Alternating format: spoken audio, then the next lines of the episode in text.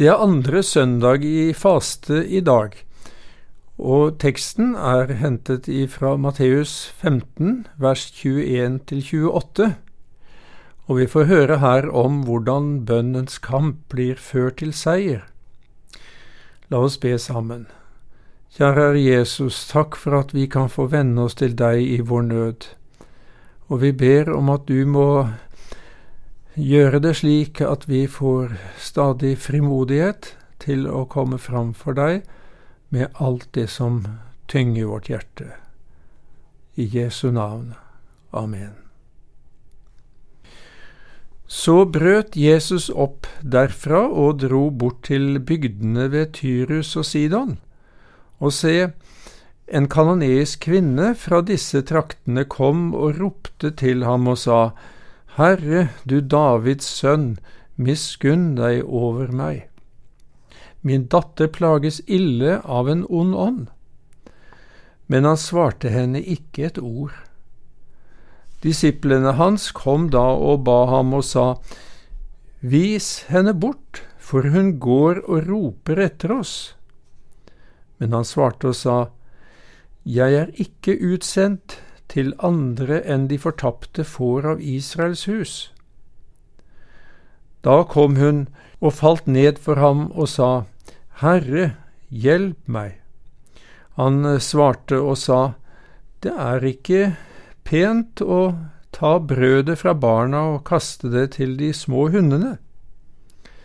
Men hun sa, Det er sant, Herre, men de små hundene eter jo av smulene som faller fra bordet hos deres herrer.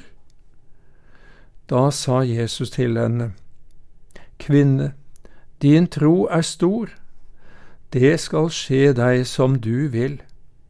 Og datteren hennes ble helbredet fra samme stund. Kjenner du til eh, bønnens kamp?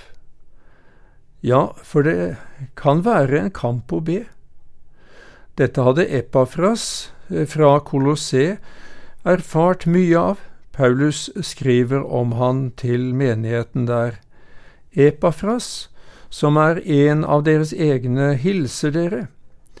Han er en Kristi Jesu tjener som alltid strider for dere i sine bønner, for at eh, dere kan stå fullkomne og fullvisse i all Guds vilje.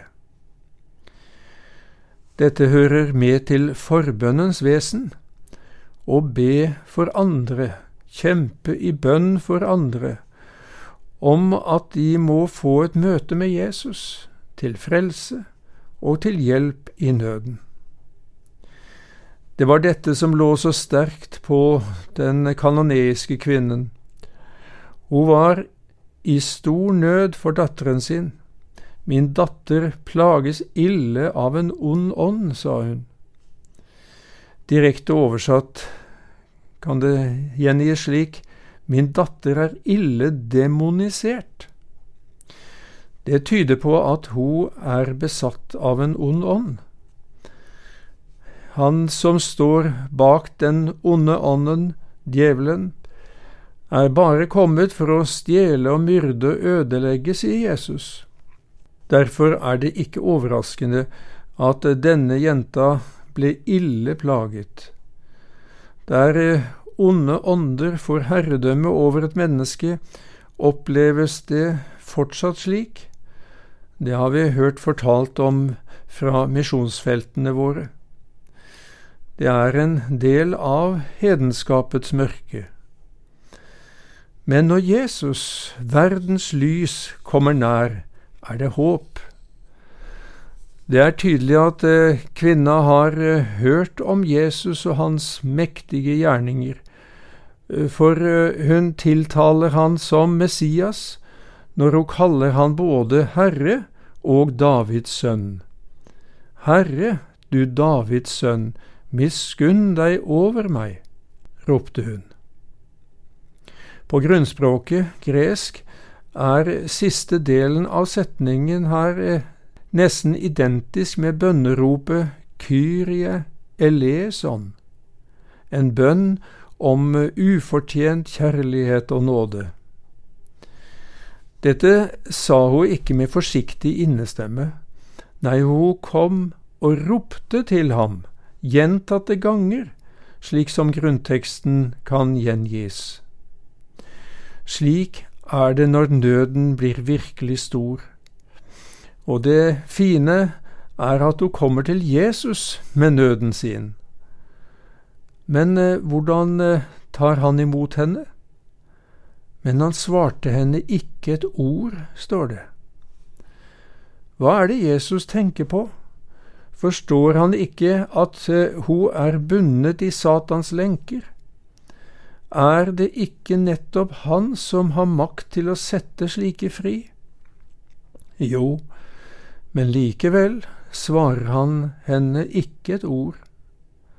Det er en smertefull måte å bli avvist på. Men disiplene bruker ord. Disiplene hans kom da og ba ham og sa, Vis henne bort, for hun går og roper etter oss. De synes tydeligvis at det er plagsomt å høre på denne ropingen, og så overser de nøden som ligger bak. De tenker sikkert også at det er upassende for Jesus som jøde å omgås en hedning, og til og med en kvinne. Jesus gir en forklaring på handlemåten sin, men han svarte og sa, jeg er ikke utsendt til andre enn de fortapte får av Israels hus. Jesus var bevisst på at han i første omgang var kommet for å grunnlegge frelsen for Guds utvalgte folk, Israel. Når det var fullført, og Den hellige ånd var gitt til alle Kristus-troende jøder, så skulle frelsen forkynnes til alle folkeslag for jøde først, og så for greker, som eh, Paulus uttrykker det. Men Jesus gjorde likevel enkelte unntak, slik som i dette tilfellet. Det er sannsynlig at kvinnen hørte det Jesus sa, men hun lot seg ikke avvise. Nøden var for stor til det. Hun vet at hun står overfor Han som alene kan hjelpe han som er sterkere enn Satan. Da kom hun og falt ned for ham og sa, Herre, hjelp meg. Jesus' svar kan virke steinhardt. Han svarte og sa, Det er ikke pent å ta brødet fra barna og kaste det til de små hundene. Kvinnen blir sammenlignet med en urein liten hund som bare er verdt noen smuler. Men kvinnen bøyer seg for ydmykelsen. Hun gir Jesus rett i hans karakteristikk av henne. Hun vet at som hedning har hun ingenting å kreve, ingen rettigheter. Men hun øyner en liten åpning i Jesu tilsynelatende steile holdning. Selv de små hundene får da også noe de får jo smulene sine. Men hun sa, Det er sant, Herre, men de små hundene eter jo av smulene som faller fra bordet hos deres herrer. Kvinnen griper tak i Jesu ord og holder dem fram for ham. Det han har sagt, kan han da ikke vike fra? Da åpner Jesus for frelsens gave. Da sa Jesus til henne, Kvinne, din tro er stor, det skal skje deg som du vil. Og datteren hennes ble helbredet fra samme stund. Da var bønnens kamp kjempet til seier. Slik skal også du og jeg få klynge oss til Guds løfter og be som David i Salme 27, Herre, hør min røst når jeg roper, vær meg nådig og svar meg. Mitt hjerte holder fram for deg ditt ord, søk mitt åsyn. Herre, jeg søker ditt åsyn. Du skal altså få holde fram for Gud Hans eget ord som sier Søk mitt åsyn. Ja, du skal få stille deg sammen med David for Guds ansikt og si, Herre, jeg søker ditt åsyn. Da tar du Gud på ordet og gjør som han sier. I Salme 50 vers 15 står det et fint løfte som jeg har minnet Gud om mange ganger når jeg har vært i nød. Der sier Herren, Kall på meg på nødens dag, så vil jeg fri deg ut, og du skal prise meg. Jesus har gitt oss et lignende løfte som eh, vi skal få minne Han om. Be, så skal dere få. Let, så skal dere finne. Bank på, så skal det bli lukket opp for dere. For hver den som ber, han får. Den som leter, han finner. Og den som banker på, skal det bli lukket opp for. Når du ber ifølge Guds løfter, kan du få erfare det samme som kvinnen, det skal skje deg som du vil, og datteren hennes ble helbredet fra samme stund. Den kanoneiske kvinnen fikk en fin attest. Kvinne, din tro er stor. Bare en annen gang hos Matteus får noen en slik attest. Den romerske høvedsmannen, han eh, sa blant annet Men si bare et ord, så blir gutten frisk. Da Jesus hørte dette, undret han seg og sa til dem som fulgte ham, Sannelig sier jeg dere, ikke hos noen i Israel har jeg funnet så stor tro. Like etterpå får disiplene attesten, dere lite troende. Ved en senere anledning fikk Peter oppleve det store å gå på vannet sammen med Jesus. Men da Peter så det veldige uværet, ble han redd og begynte å synke. Da ropte han, Herre, frels meg! Jesus rakte straks hånden ut og grep tak i ham, og han sa til ham, du lite troende, hvorfor tvilte du?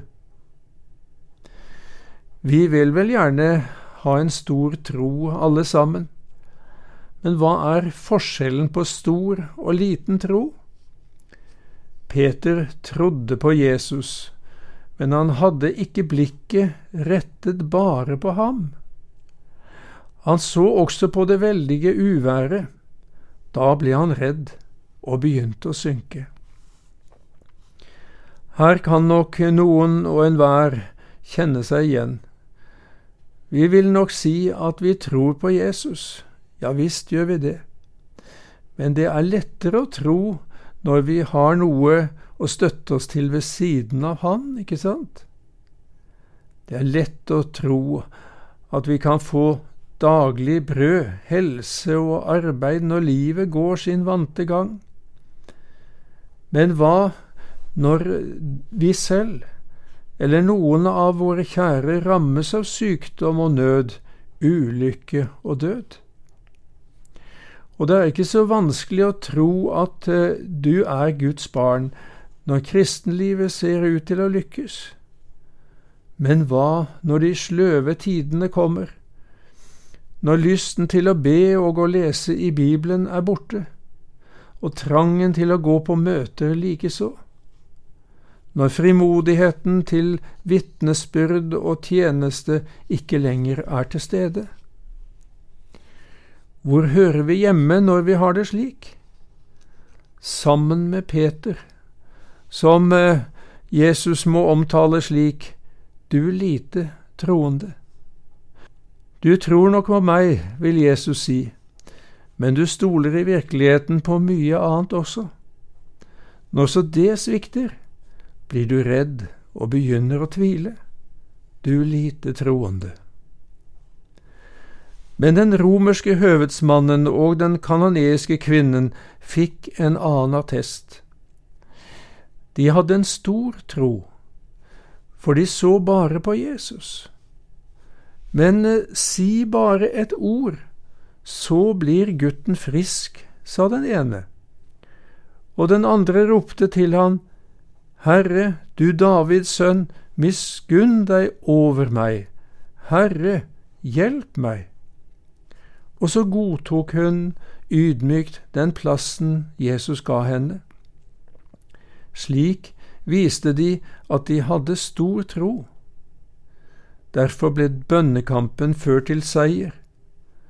Samtidig er det noe jeg er veldig glad for. Jesus kom både Peter og de andre disiplene til hjelp, selv om de hadde liten tro. Det er en stor trøst. Men eh, hvorfor fikk ikke kvinnen svar med en gang? Og hvorfor får ikke vi alltid svar med en gang vi ber? Hører ikke Gud oss hver gang vi venner oss til Han? Av og til kan det virke som om han ikke gjør det. Bønnen når ikke engang opp til taket. Ja, slik kan det iblant føles. Men hør nå her. Det er ikke nødvendig at bønnen din når til taket, for Jesus er nærmere enn det. Herren er nær, vitner Paulus i fengselscellen sin i Rom. Han fikk erfare det profeten sier i Jesaja 59. Se, Herrens hånd er ikke for kort til å frelse, og hans øre er ikke tunghørt, så han ikke kan høre. Det skjer alltid noe når vi ber, selv om vi ikke ser det med en gang. Engelen Gabriel sier blant annet dette til Daniel. Med det samme du begynte å bære fram dine ydmyke bønner, gikk det ut et ord, og nå er jeg kommet for å kunngjøre deg det, for du er høyt elsket, så merk deg ordet og gi akt på synet. Ja, det er sant det Peter sier i 2. Peters brev 3, Herren er ikke sen med løftet. Trygve Bjerkreim uttrykker det slik i en sang. Det er svar underveis, engler kommer med bud. Om det drøyer, det fram då skal nå. For det lovet jo løftenes trofaste Gud. Kall på meg, og du hjelpen skal få. Derfor kan du si til deg selv med ord fra Salme 42. Hvorfor er du nedbøyd, min sjel, og bruser i meg? Vent på Gud, for ennå skal jeg prise ham for frelse fra hans åsyn. Hvorfor må vi vente slik? Det hører med til bønnens kamp. Er det en kamp med Gud? Dagens tekst kunne tyde på det. Jakobs kamp med Herrens engel kunne også peke i den retningen. Jakob hadde klart å berge seg ut av ulike situasjoner, ikke alltid med rene midler, men gjennom alt hadde han ikke fred med Gud. Nå var oppgjørets time med tvillingbroren Esau kommet, en situasjon han ikke kunne flykte fra.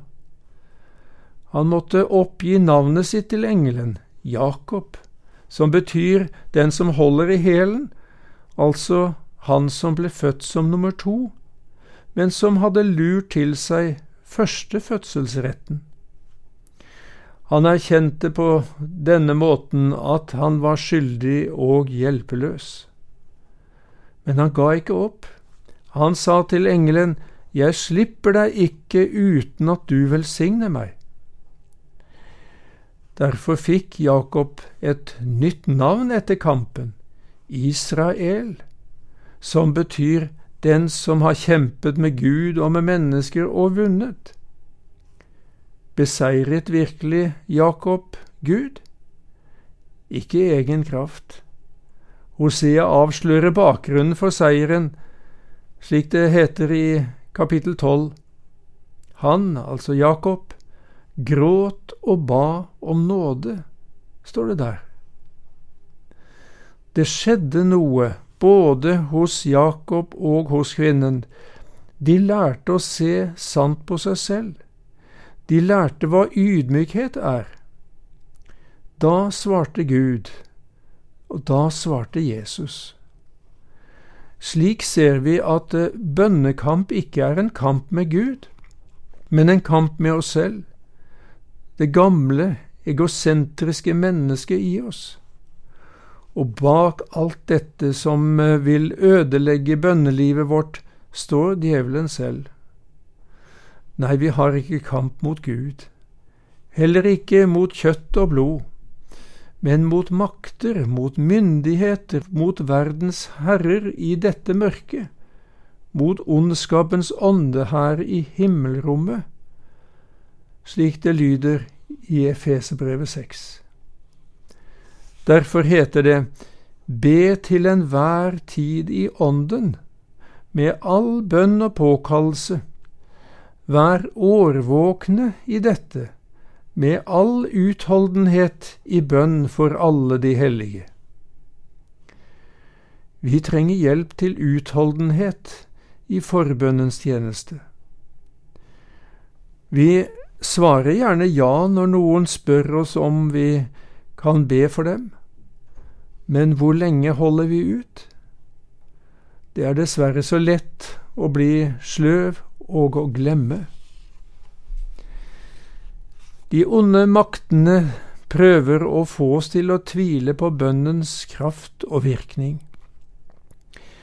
Det nytter ikke, du kan bare gi opp. Gud verken hører deg eller gjør etter det du ber om. Kjenner du til slike tanker? Jeg tror vi trenger å ta Jesu ord innover oss, det han sa til disiplene sine da de sovnet i Getsemanehagen. Våk og be for at dere ikke må komme i fristelse. Ånden er villig, men kjødet er skrøpelig. Det er hos oss hindringene ligger, i vårt stolte, æresyke og egenrådige sinn. Når det virker som om Jesus ikke hører, er han i ferd med å skape mottagelighet hos oss for det han synes vi trenger mest av alt. For Gud er så uendelig god mot oss. Vi ber om sølv, men Gud gir oss ofte gull i stedet, sier Luther. Hver gang Jesus ser en mulighet til å gi oss mer enn vi har forstand til å be ham om, så gjør han det. Men da må han iblant føre oss på disse uforståelige veiene, inn i lange ventetider, inn i mørke, kampfulle perioder, alt for å kunne åpenbare enda mer av sin herlighet for oss. Derfor må vi legge Davids ord i Salme 27 på hjertet. Vent på Herren, vær ved godt mot, ditt hjerte være sterkt, ja, vent på Herren. Den kanoniske kvinnen gikk i forbønn for datteren sin som hun var så glad i. Hun gjorde hennes sak til sin. Det er en stor rikdom å få ha noen som ber for deg når du har det vanskelig. Det fortelles om en kristen leder en gang han var syk, at han sa til noen som besøkte han, Jeg orker ikke engang å be. Da fikk han til svar, Vi ber for deg, du skal få komme på våre bønner. For en lykke å ha det slik. Det skjer to ting hos oss når vi ber lenge for noen. Vi får mer omsorg for den vi ber for. Samtidig kjemper vi oss gjennom de hindringene som vil lamme vår fortsatte forbønn. Vi erkjenner vår utilstrekkelighet, slik at bønnens ånd får slippe til. Ber du ikke av og til om at Jesus må få gjøre deg mer ydmyk og øke din tro, dra deg nærmere inn til Han? Da må du også være forberedt på at Han vil ydmyke deg, og på forskjellige måter ribbe deg for alle falske støtter. For vær trygg, din kjærlige Far og Frelser høre når du ber slik. For Gud står de stolte imot, men de ydmyke gir han nåde. Fortvil da ikke over at han tier iblant. Det betyr bare at du er på den veien han vil ha deg. Da må du gjøre som kvinnen i dagens tekst, hold Guds ord og løfte fram for Jesus, og stol på at han vil handle etter dem.